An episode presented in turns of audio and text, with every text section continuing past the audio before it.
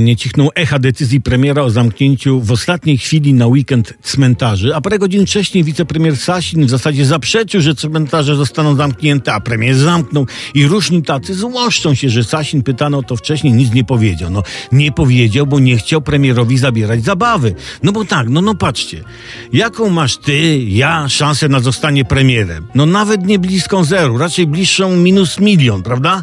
A ilu premierów przed panem Morawieckim miało okazję ogłosić zamknięcie cmentarzy? No z minus dwóch, nie? Może już nie będzie takiej szansy w przyszłości. Jak pan Morawiecki musiał się cieszyć, że przechodzi do historii?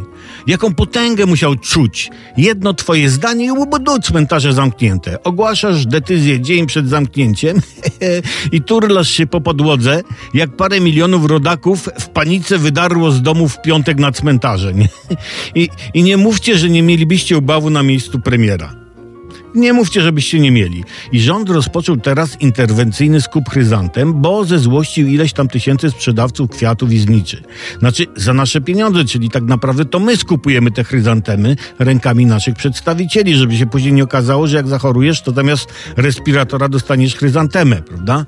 Ale ja mam taki pomysł, żeby na przykład gminy, w których jest najwięcej strajku kobiet, dostawały po tysiąc doniczek z chryzantemami do wykupienia. No a znicze co ze zniczami?